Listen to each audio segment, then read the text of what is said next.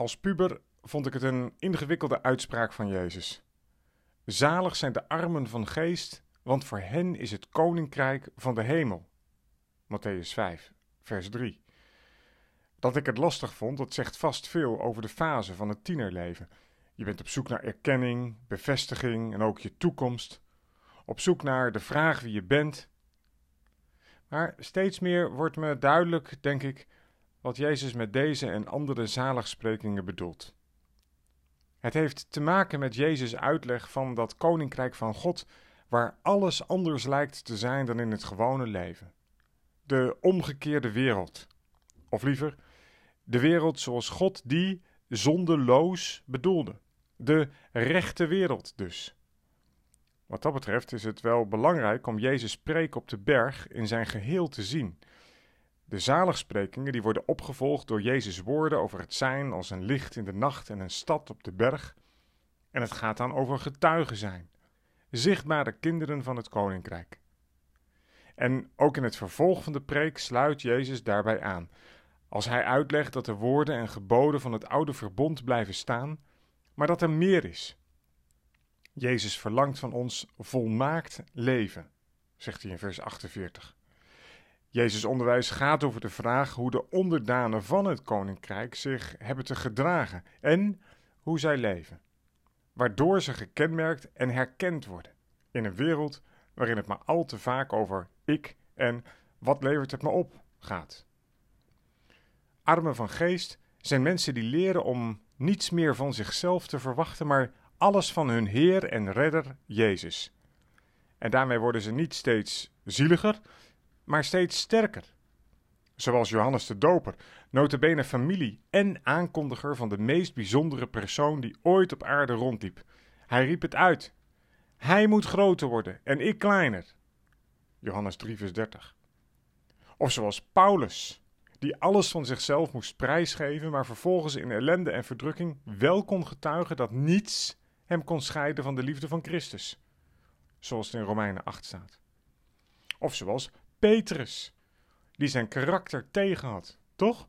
Haantje de voorste zijn en dan arm van geest of nederig van hart moeten worden. Ga er maar aan staan. Als hij het niet meer weet, na een nacht vissen, maar Jezus' opdracht om het net aan de andere kant van de boot uit te werpen uitvoert, dan gebeuren er twee wonderen. Allereerst is er een net vol met vissen, zoveel dat er twee bootjes mee gevuld kunnen worden. En ten tweede een Simon Petrus die op zijn knieën voor Jezus neervalt en zegt: Ga weg van mij, Heer, want ik ben een zondig mens. Lucas schrijft dat hij, evenals de andere discipelen, verbijsterd was over het wonder van de vissen. Drie voorbeelden dus: Johannes de Doper, Paulus, Petrus en hoe zij arm van geest werden. Wat opvalt, is dat Jezus Petrus niet antwoordt op een manier zoals we dat in West-Europa in 2019 geneigd zijn om te doen. Ah joh, doe eens niet zo gek. Ga staan. Ik ben ook maar een mens.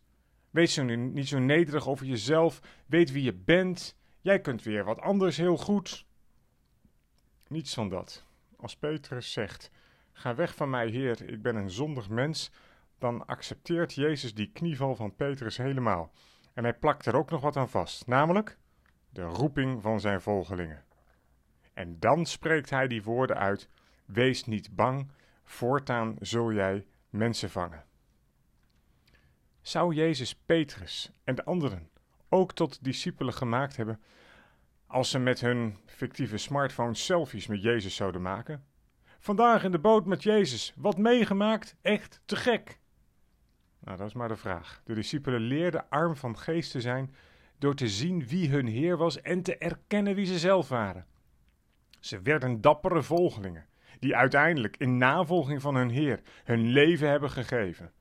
Dat heeft niets te maken met softie. Maar let op: een stadium als arm van geest zijn bereik je niet.